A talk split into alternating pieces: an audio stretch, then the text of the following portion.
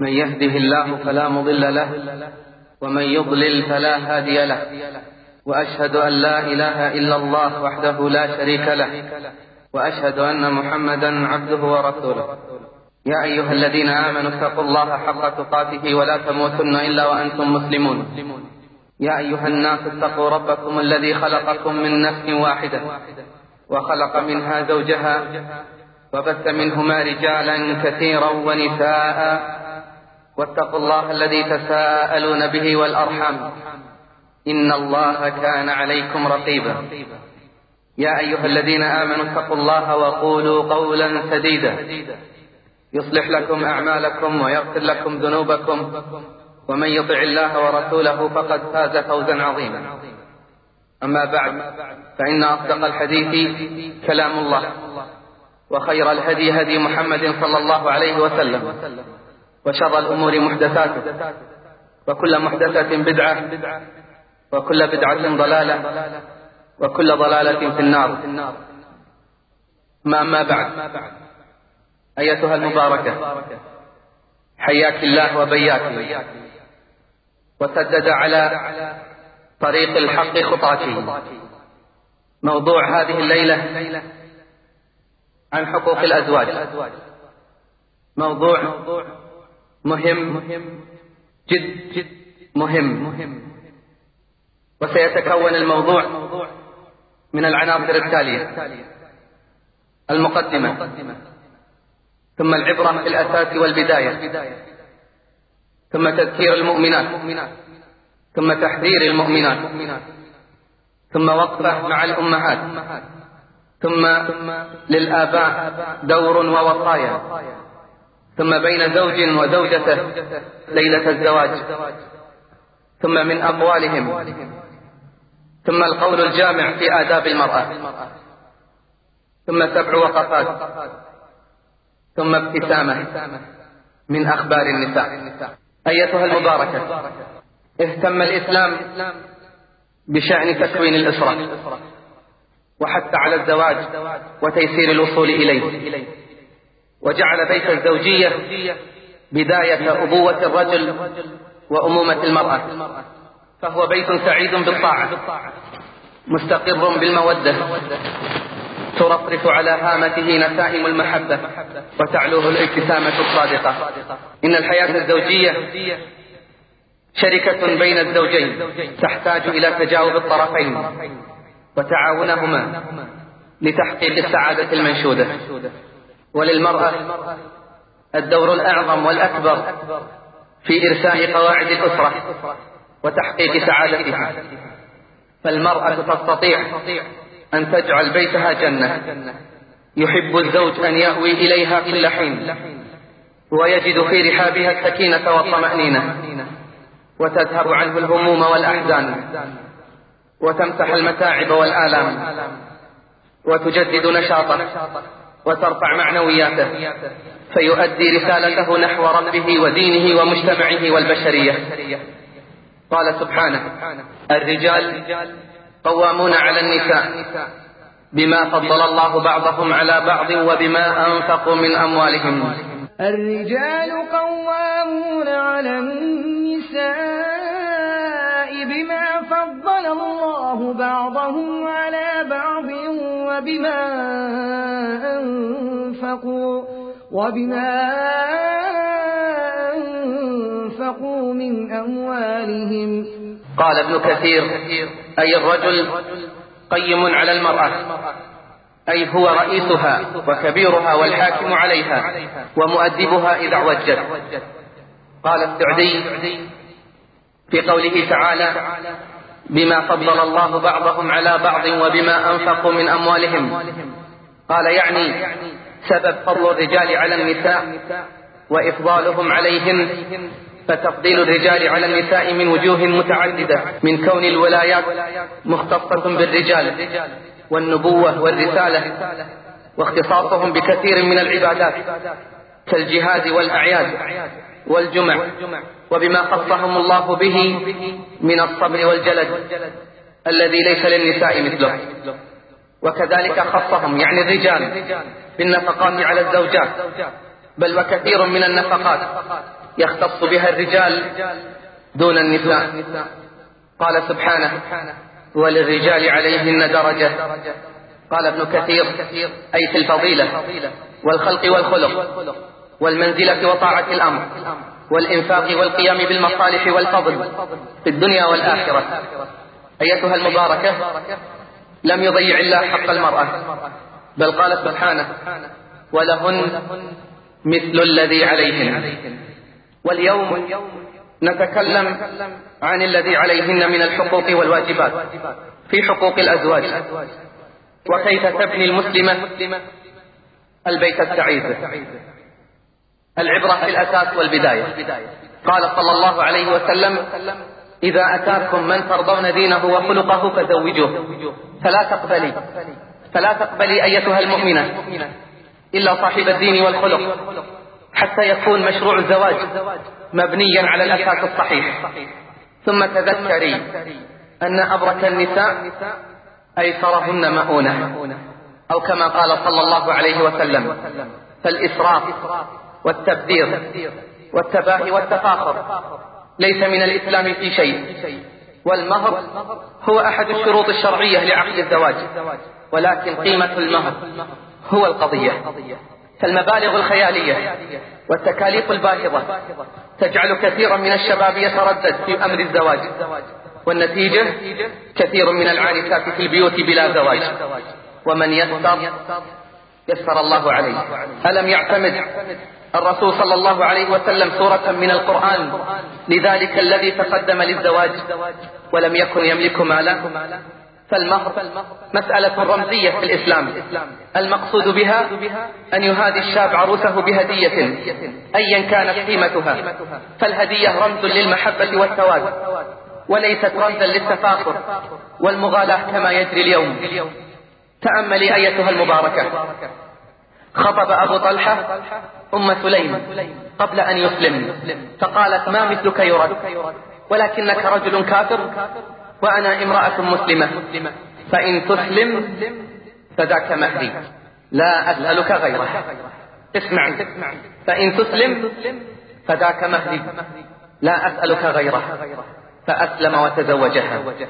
سؤال ماذا كان مهر سيدة نساء العالمين فاطمة رضي الله عنها وأرضاها. عن علي رضي الله عنه قال جهز رسول الله صلى الله عليه وسلم فاطمة في خميل وقربة ووسادة حشوها إذخر. والإذخر نبات يخرج بالمدينة. هذا جهازها.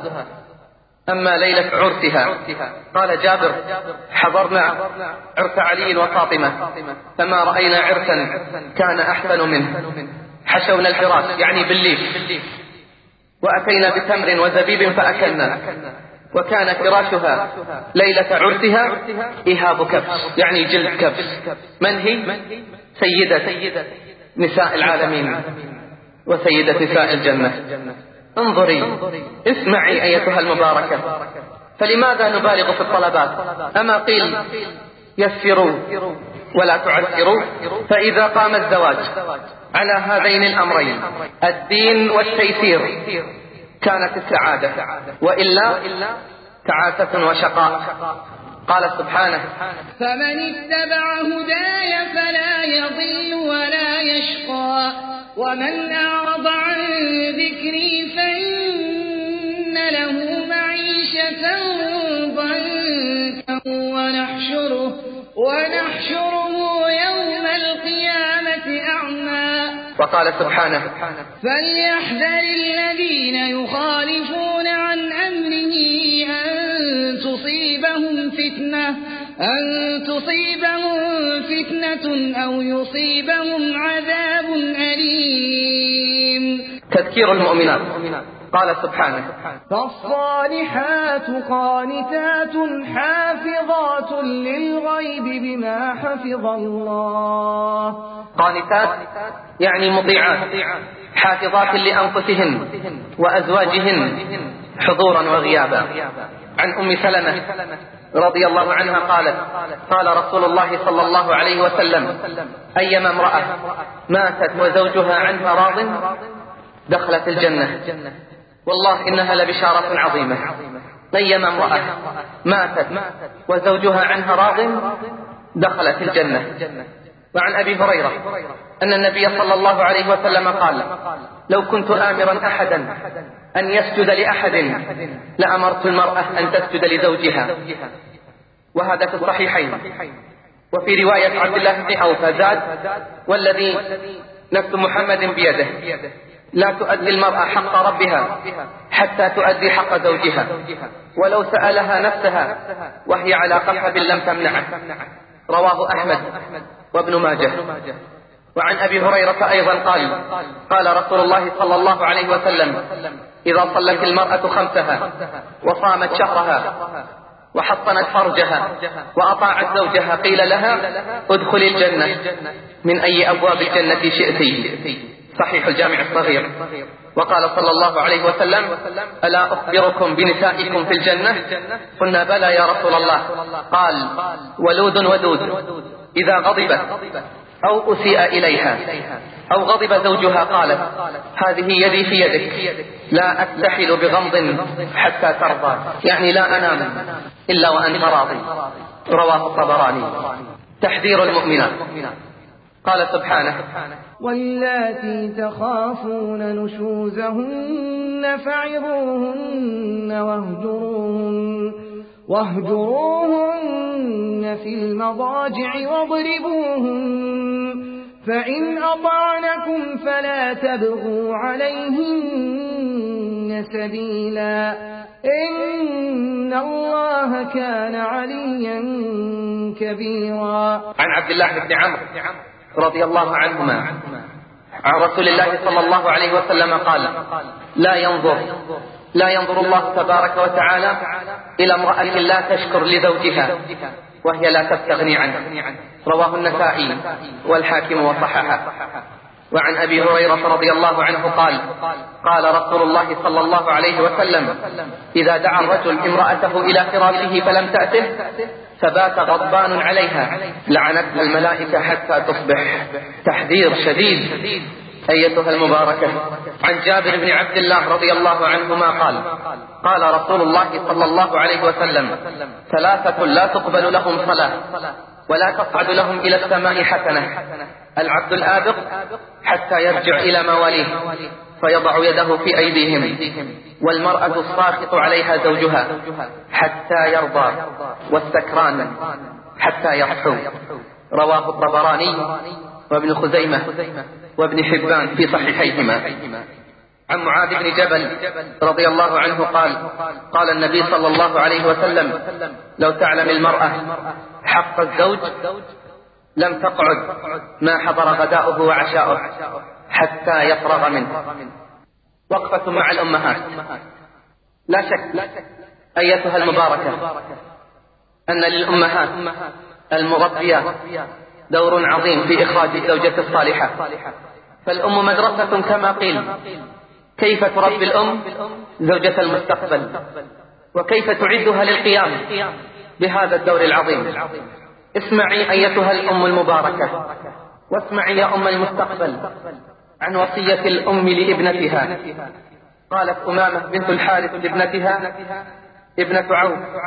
قالت لها في ليلة زفافها على زوجها الحارث بن عمرو ملك كندة قالت أي بنية إن الوصية لو تركت لفضل أدب تركت لذلك منك ولكنها تذكرة للغافل ومعونة للعاقل. ولو أن امرأة استغنت عن الزوج لغنى أبويها وشدة حاجتهما إليها كنت أغنى الناس عنه.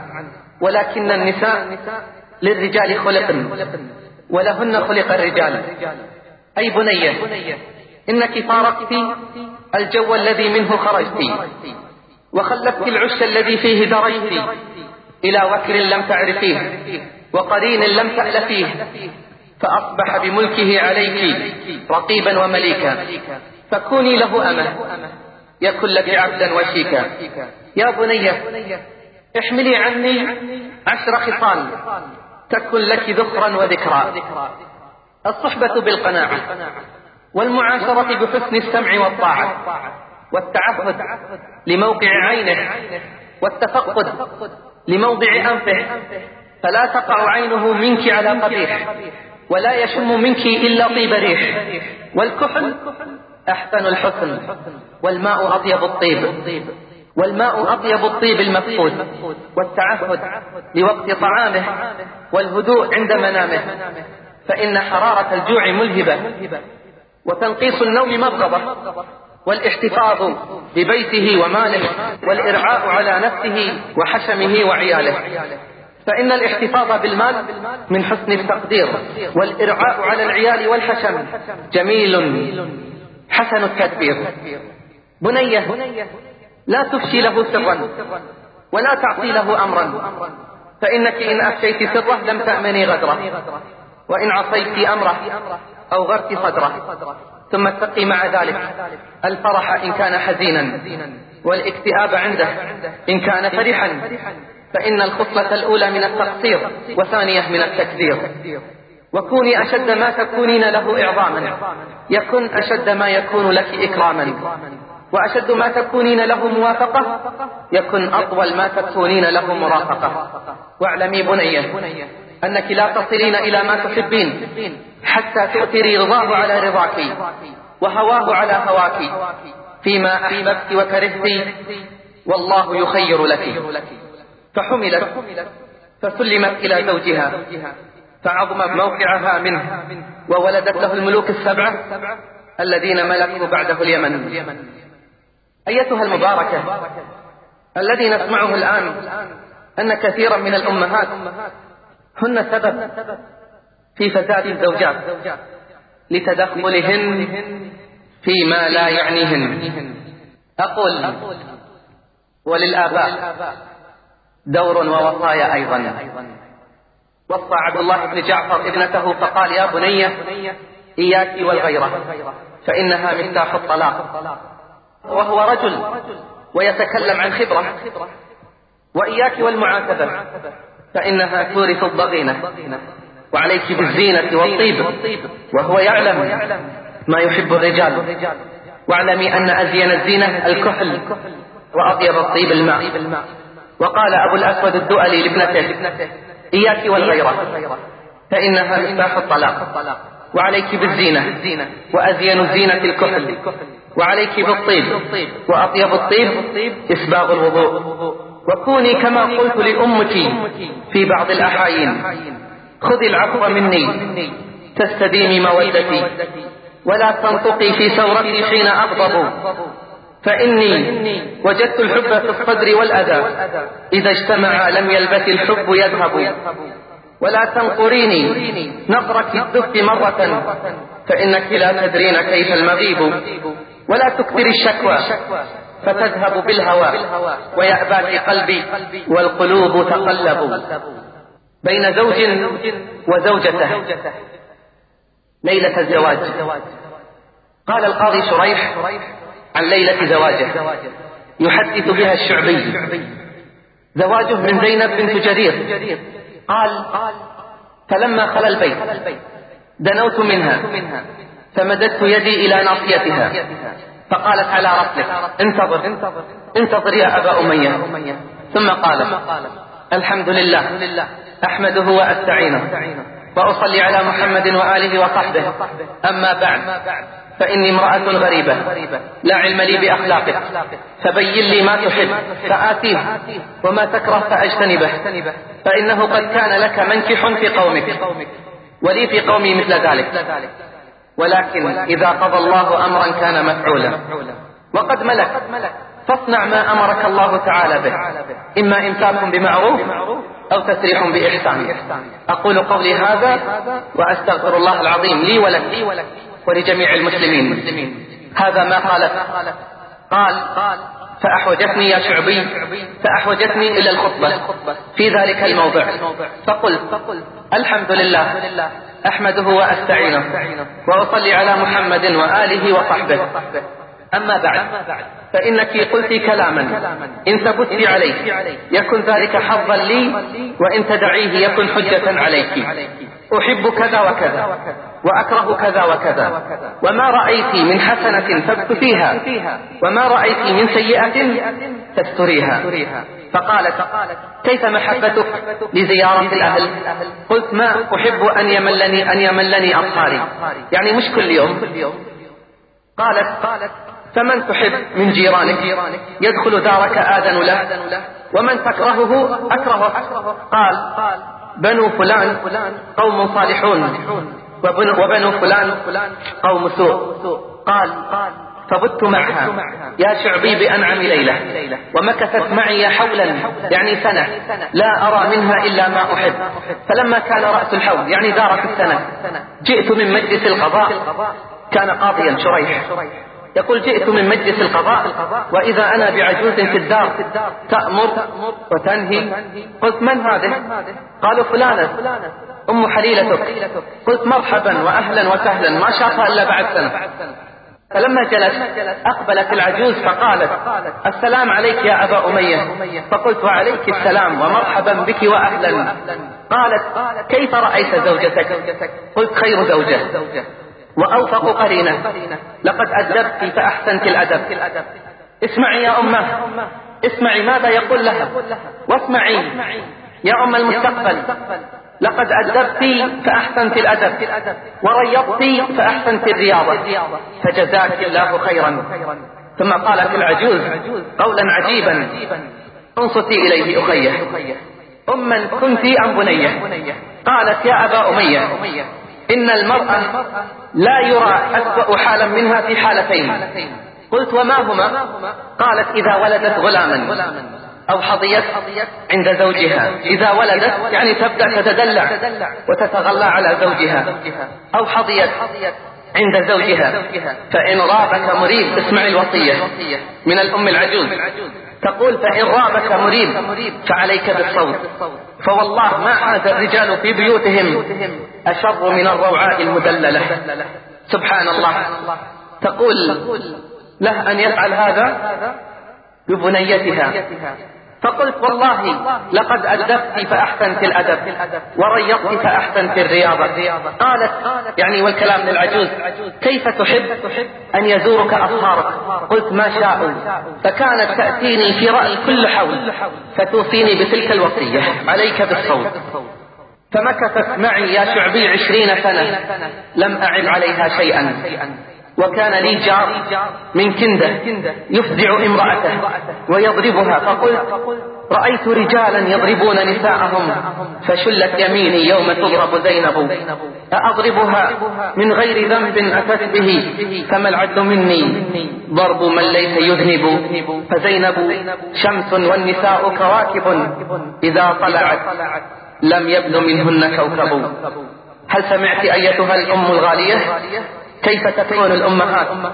وهل سمعت أيتها الزوجة الغالية؟ كيف تكون الزوجات إن كثيرا من مشاكل البيوت سببه التدخلات الخارجية وعدم حفظ أسرار البيوت والمشاكل الزوجية. ولو تركت المشاكل لأهلها لانتهت في وقتها ومن حسن إسلام المرء. تركه ما لا يعنيه من أقوالهم.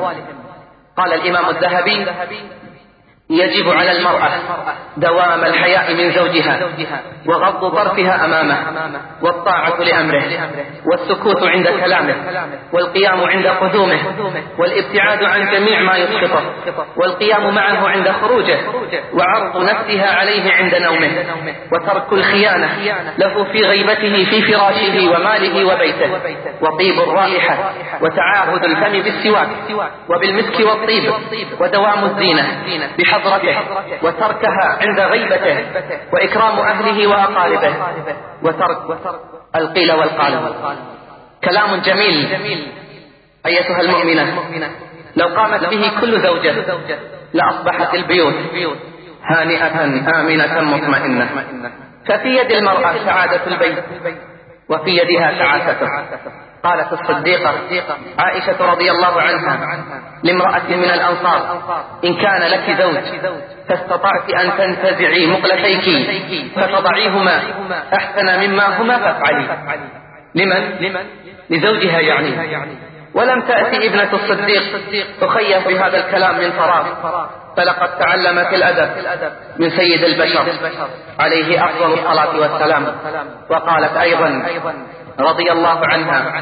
يا معشر النساء لو تعلمن بحق أزواجكن عليكن لجعلت المرأة منكن تمسح الغبار عن قدمي زوجها بخد وجهها. وقال الأصمعي دخلت البادية فإذا امرأة حسناء لها بعل قبيح. فقلت لها كيف ترضين لنفسك أن تكوني تحت مثل هذا القبيح؟ فقالت اسمع يا هذا لعله أحسن فيما بينه وبين الله فجعلني ثوابه ولعلي أسأ فجعله عقوبتي. القول الجامع في آداب المرأة. قال الإمام الغزالي رحمه الله والقول الجامع في آداب المرأة من غير تطويل أن تكون قاعدة في قعر بيتها لازمة لمغزلها لا يكثر صعودها وطلوعها قليلة الكلام لجيرانها لا تدخل عليهم إلا في حال يوجب الدخول تحفظ بعلها في غيبته وحضرته. وتطلب مسرته في جميع أمورها ولا تخونه في نفسه وماله ولا تخرج من بيتها إلا بإذنه فإن خرجت بإذنه فمختفية في هيئة الرفة تطلب المواضع الخالية دون الشوارع والأسواق. محترزة من أن يسمع قريب صوتها أو يعرفها بشخصها. لا تتعرف إلى صديق بعلها في حاجاتها بل تتنكر على من تظن أنه يعرفها أو تعرفه. همها صلاح شأنها وتدبير بيتها مقبلة على صلاتها وقيامها وإذا استأذن صديق لبعلها على الباب وليس البعل حاضرا لم تستفتهم ولم تعاوده في الكلام غيرة على نفسها وبعلها. وتكون قانعة من زوجها بما رزق الله وتقدم حقه على حق نفسها وسائر الحقوق متنظفة في نفسها مستعدة في الأحوال كلها للتمتع بها إن شاء مشفقة على أولادها حافظة للستر عليهم قصيرة اللسان عن سب الأولاد ومراجعة الأزواج. ومن آدابها ألا تتفاخر على الزوج بجمالها ولا تزدري زوجها لقبحه. ومن آدابها ملازمة الصلاح والانقباض في غيبة زوجها والرجوع إلى اللعب والانبساط وأسباب اللذة حين عودته. ومن حقوقه عليها إذا مات عنها ألا تحد عليه أكثر من أربعة أشهر وعشرة. وتتجنب الطيب والزينة في هذه المدة.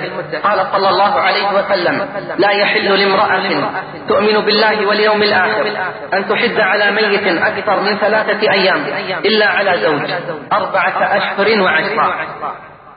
وتلزم مسكن النكاح حتى آخر العدة. وليس لها الانتقال إلى أهلها ولا الخروج إلا لضرورة. ومن آدابها أن تقوم بكل خدمة في الدار تقدر عليها كما كان عليه نساء الصحابة رضي الله عنهم أجمعين. كلام مختصر ولكن فيه كل الحقوق التي يجب على الزوجة أداؤها لزوجها. وقفات. سبع وقفات. نقفها. ولو أردنا الوقوف مع كثير من الأمور لطال المقام. أخيه لكن اسمعي. اسمعي وتنبهي. الوقفة الأولى. من صفات الزوجة الصالحة حفظها لزوجها في نفسها وماله وبيته. سمع عمر بن الخطاب وهو يتعسس ليلا مستطلعا أحوال الرعية. سمع امرأة من خلف خبائها تقول ألا طال هذا الليل وازور جانبه وليس إلى جنبي خليل ألاعبه. فوالله لولا الله تخشى عواقبه لزلزل من هذا السرير جوانبه. مخافة ربي والحياء يعفني وإكرام بعلي أن تنال مراتبه. فعلم عمر أنها زوجة أحد الجنود المسلمين غاب عنها زوجها في ميدان القتال وتركها وحيدة لأشهر عدة. تركها وحيدة إلا من طهرها وعفتها وخشيتها لربها. فأمر عمر ألا يمكث الجنود إلا فترة معلومة يعودون بعدها إلى أهلهم. قال تعالى فالصالحات قانتات حافظات للغيب بما حفظ الله. فالصالحات أيتها المباركة في نظر القرآن. حافظات مطيعات. لأزواجهن مؤديات للحقوق حافظات للعلاقة الزوجية من الإثم والدنس أمينات على الأسرار ويكن لأزواجهن وهم غائبون عنهن أشد إخلاصا وأعظم وفاء. قال صلى الله عليه وسلم الدنيا متاع وخير متاعها المرأة الصالحة. فالمرأة الصالحة أكبر مكسب يفوز به المرء بعد تقوى الله عز وجل.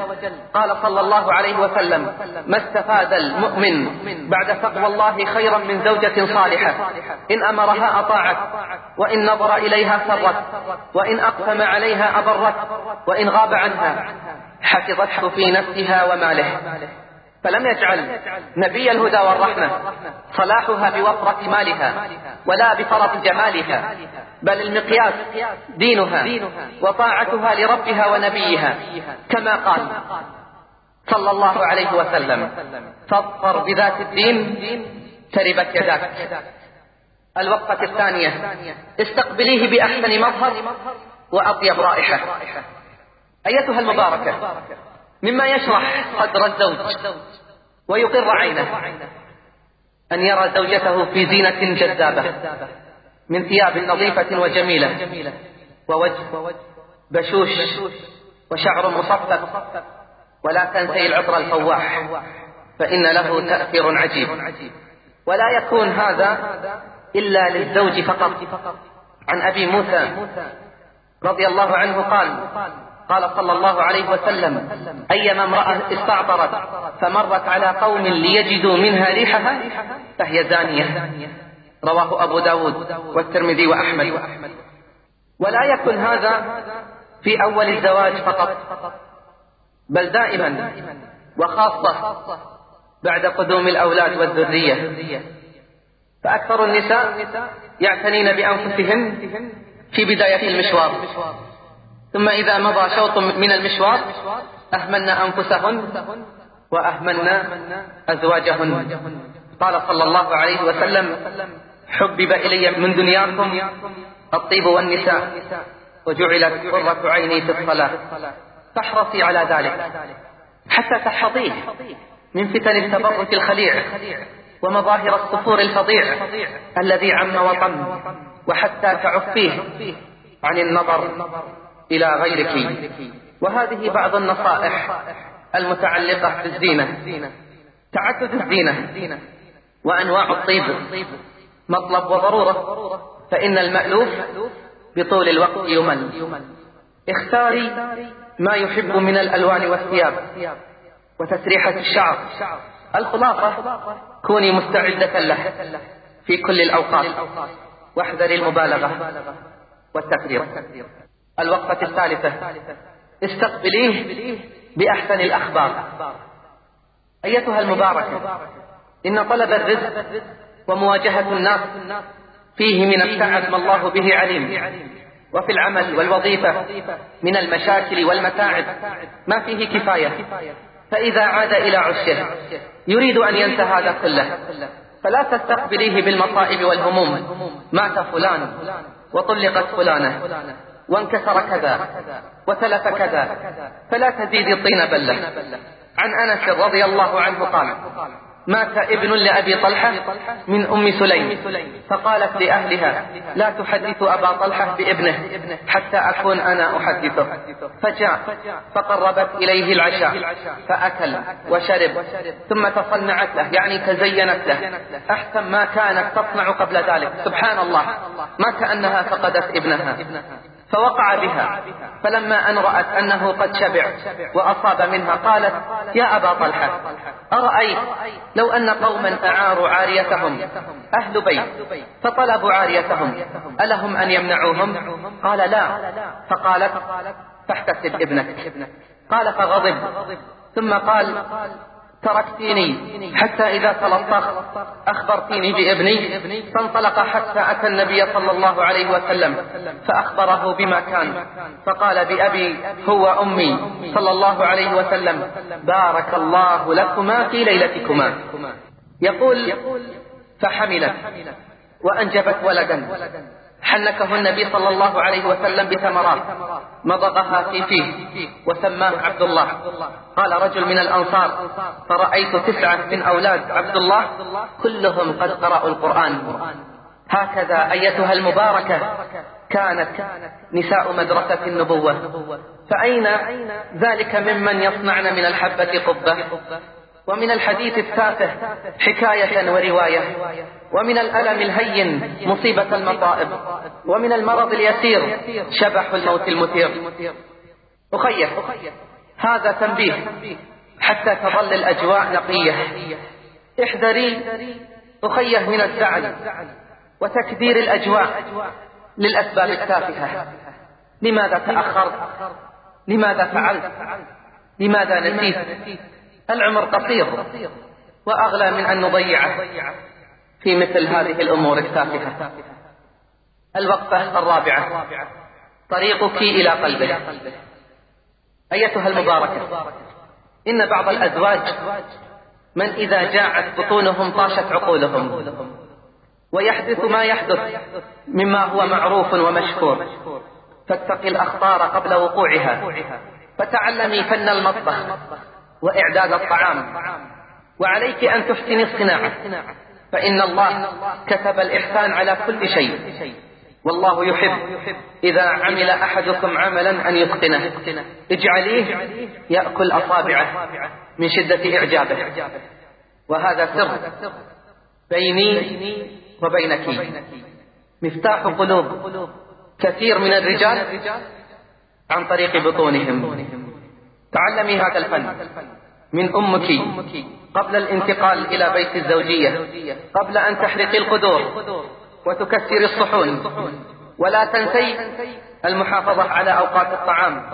ولا تجعليه ينتظر طويلا. ها أنا أخبرتك والباقي عليك. الوقفة الخامسة. أحبي أمه ووقري أباه. تنالي رضاه. أيتها المباركة إن من توجيهات الإسلام وهدي الصحابيات الجليلات والصالحات من المؤمنات على مر العصور. الحرص على إرضاء والدي الزوج. وخدمتهما. وحسن معاشرتهما. والتواضع لهما. ولين الجانب. لأن ذلك من مظاهر إكرامها لزوجها وحبها له. بل هي بذلك تيسر له بر والديه وصلة رحمه. فكوني له مفتاحا للخير مغلاقة للشر وكوني له عونا على الطاعة. ألا تحبين أن يكرم أهلك ويحبهم؟ بلى بلى تحبين. وفي الحديث لا يؤمن أحدكم حتى يحب لأخاه ما يحب لنفسه. الوقفة السادسة. هل الخادمة ضرورة؟ دعينا أيتها المباركة. نتحدث عن هذا الموضوع بصراحة. إن كانت الخادمة هي التي تطبخ وتغسل وتكنس وتربي الأطفال فما هو دور الزوجات؟ أما ترين أيتها المباركة أن كثيرا من النساء قد زادت أوزانهن وتعودن على كثرة النوم. والخمول والكسل. وأصبحن يعانين من أمراض السكر والضغط وزيادة الدهون في الجسم. أما تعلمين أيتها المباركة أن العمل في البيت يعتبر صحة وقوة ورشاقة. أما تعلمين أن الخادمات سبب لكثير من المآسي التي حدثت في بيوت المسلمين. اسمعي عن السابقات الأولات من المهاجرات والناصرات. قال علي رضي الله عنه لابن أعين ألا أحدثك عني وعن فاطمة بنت رسول الله صلى الله عليه وسلم وكانت من أحب أهله إليه قلت بلى. قال إنها جرت بالرحى حتى أثرت في يدها واستقت بالقربة حتى أثرت في نحرها وكنست البيت حتى اغبرت ثيابها. فأتي النبي صلى الله عليه وسلم بخدم. فقلت لها لو أتيت أباك. فسألتيه خادما. فذهبت. رضي الله عنها وأرضاها. فوجدت عنده أحداثا فرجعت. فأتاها صلى الله عليه وسلم من الغد. فقال ما كانت حاجتك؟ فسكتت. فقال علي فقلت أنا أحدثك يا رسول الله. صلى الله عليه وسلم. إنها يعني فاطمة.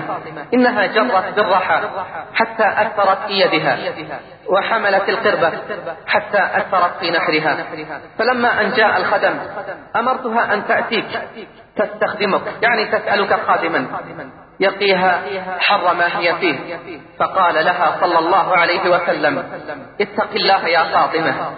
اتق الله يا فاطمة وأدي فريضة ربك واعملي عمل أهلك وإذا أخذت مضجعك فسبحي ثلاثا وثلاثين واحمدي ثلاثا وثلاثين وكبري أربعا وثلاثين فذلك مئة هي خير لك من خادم.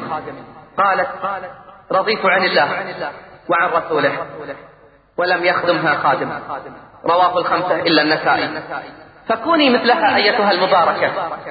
كوني راضية عن الله وعن رسوله. اصبري على خدمة زوجك مهما كانت شاقة. لا تسخطي ولا تمني ولا تتكبري. اخدميه بنفسك ولا تكلفيه استئجار خدم فيثقل كاهله وينغص عيشك وعيشه وتفقدين كثيرا من حبال الود والترابط. وإن كان هناك ضرورة فالضرورة تقاس على قدرها. وضمن الضوابط الشرعية. الوقفة السابعة. قصة ومعنى.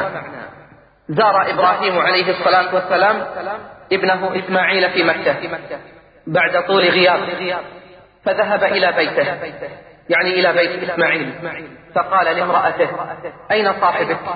قالت ليس هنا. ذهب يتصيد فقال هل عندك ضيافة? قالت ليس عندي ضيافة. وما عندي أحد. وسألها عن أحوالهم. فقالت في ضيق وشدة. فقال إبراهيم إذا جاء زوجك فأقرئيه السلام. وقولي له فليغير عتبة الباب. فلما عاد إسماعيل عليه السلام. وجد ريح أبيه. فقال لامرأته هل عندك أحد؟ قالت جاءني شيخ كذا وكذا. كالمستخفة بشأنه. قال فما قال لك؟ قالت قال أقرئي زوجك السلام وقولي له. فليغير عتبة الباب. قال ذاك أبي يأمرني بطلاقك. فطلقها وتزوج أخرى. ثم زارهم إبراهيم عليه الصلاة والسلام بعد زمن فجاء بيت إسماعيل. فقال لامرأته أين صاحبك؟ قالت ذهب يتصيد وهو يجيء الآن إن شاء الله. تعال تنزل يرحمك الله. لاحظ الفرق. لاحظ الفرق أخيه. فقال هل عندك ضيافة؟ قالت نعم. قال فهل عندك خبز أو بر أو شعير أو تمر؟ قال فجاءت باللبن واللحم. فدعا لهما بالبركة. ثم سألها عن أحوالهم فقالت الحمد لله بخير ونعمة وسعة. فقال لها إذا جاء زوجك فأقرئيه السلام وقولي له ثبت عتبة الباب. فلما جاء إسماعيل وجد ريح أبيه فقال لامرأته هل جاءك أحد؟ قالت نعم. شيخ أحسن الناس وجها وأطيبهم ريحا كيف؟ وهو نبي الله وخليله. فقال لي كذا وكذا. قال فذاك أبي إبراهيم عليه الصلاة والسلام وقد أمرني بإبقائك والمحافظة عليك. هل عرفت المعنى أيتها المباركة؟ أظنك قد عرفتيه فالقناعة والرضا. كنز لا يفنى.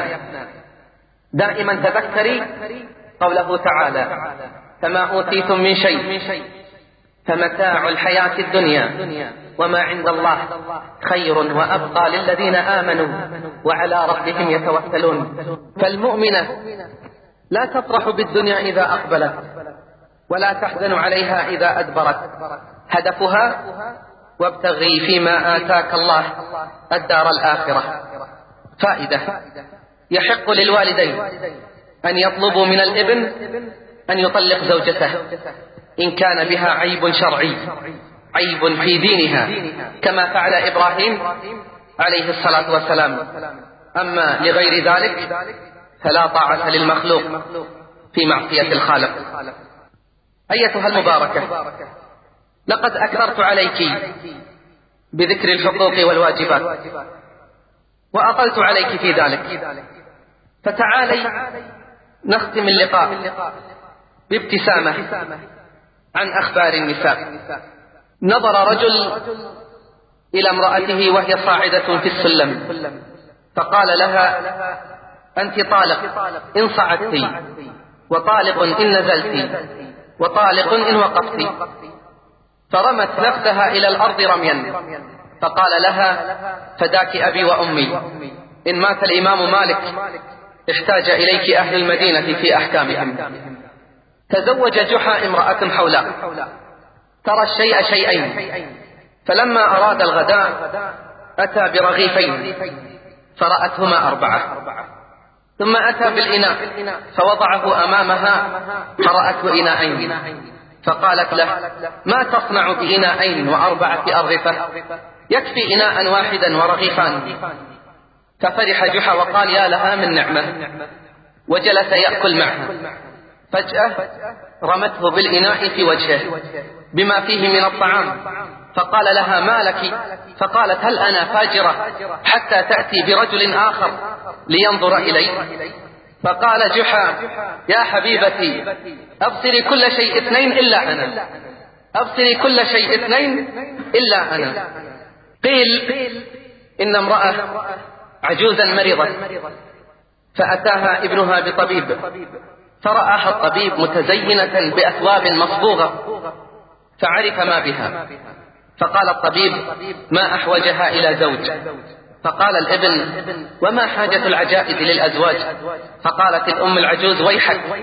الطبيب أعلم منك على كل حال. ادعت امرأة النبوة على عهد المأمون فأحضرت إليه. فقال لها من أنت؟ فقالت أنا فاطمة النبية. فقال لها أتؤمنين بما جاء به محمد صلى الله عليه وسلم؟ قالت نعم. كل ما جاء به محمد صلى الله عليه وسلم فهو حق. قال لها أما قال صلى الله عليه وسلم لا نبي بعدي قالت صدق. صدق عليه الصلاة والسلام. فهل قال لا نبية بعدي قال فضحك المأمون وقال لمن حوله لقد انقطعت حجتي فانظروا في أمرها. اشترى رجل رأسين فوضعهما بين يدي امرأته يعني رأسين من الغنم فوضعهما بين يدي امرأته وقال اقعدي نأكل. فأخذت رأسا فوضعته خلفها وقالت هذا لأمي. فأخذ الرجل الرأس الآخر ووضعه خلفه وقال هذا لأبي. فقالت فماذا نأكل؟ قال ضعي رأس أمك وأضع رأس أبي فنأكلهما. قال الجاحظ كنت بباب الدار وكان قبيحا فمرت بي امرأة وقالت أريدك في حاجة. فسرت معها حتى جاءت إلى الصائق فقالت له وأشارت إلي مثل هذا. ثم ذهبت. فلم أفهم شيئا. فقلت للصائق ماذا تقصد؟ قال جاءتني تقول لي أريدك أن تنقش على الخاتم وجه جني. فقلت لا أعرفه. فجاءت بك وقالت مثل هذا. انتهت الكلمات. أيتها المباركة. وجاء دور تصديق الأقوال بالأفعال. فالسماع لا يكفي.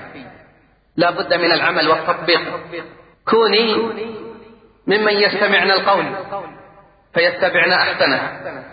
اجعلي هذا اللقاء حجة لك لا حجة عليك ودائما وأبدا. اجعل الهدف رضا الله تبارك وتعالى. مهما كان الثمن وقولي ورددي فيا ليتك تصفو والحياة مريرة ويا ليتك ترضى والأنام غضاب ويا ليت الذي بيني وبينك عامر وكل الذي بيني وبين العالمين خراب. فإذا صح منك الود فالكل هين وكل الذي فوق التراب تراب. أسأل الله العظيم رب العرش الكريم أن يعلمنا ما ينفعنا وأن ينفعنا بما علمنا. أسأله أن يجعل بيوت المسلمين آمنة مطمئنة. أسأله سبحانه أن يحفظ نساءنا من الفتن ما ظهر منها وما بطن.